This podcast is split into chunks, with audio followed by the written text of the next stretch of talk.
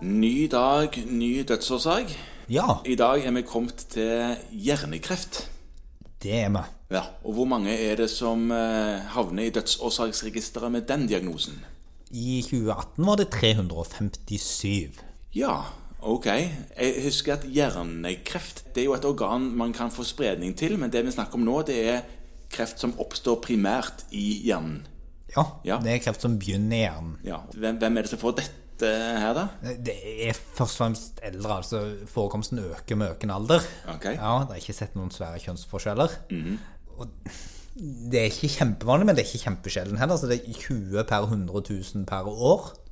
20 per 100 000 per år. ok? Mhm. Ja, altså Hvis du er litt kjapp i hoderegning nå, hva blir det da? da?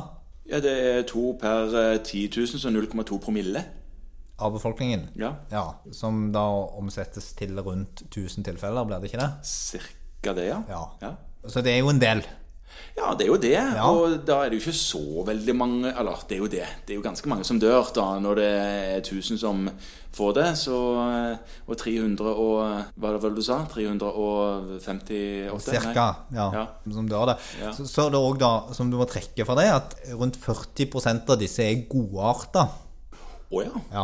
ja hva, men de dør likevel? Nei, de dør mye Å sjeldnere. ja, av de som får hjernekreft, ja. Ja. Mm, de dør jo mye sjeldnere. Men det som er problemet med å få kreft godartet òg opp i hodet, er jo at det er jo ingen plass å vokse på. Nei, så du får ofte symptomer. Mm. Og symptomene er Altså Mange som tenker at hodepine er et symptom. Det er et symptom, men det er ikke et vanlig forekommende symptom. Og det er ikke et tidlig symptom. Nei, på hjernesvulst, nei. Nei. Det er ofte mer forvirringstilstander, generell allmenn påvirkning, krampanfall. Kan gi rare nevrologiske utfall. Mhm. Ja. Hun debuterer som en hjerneblødning fordi disse svulstene blør. ja. Og så Det er det- er jo helt andre symptomer igjen. Ja. Eller egne symptomer.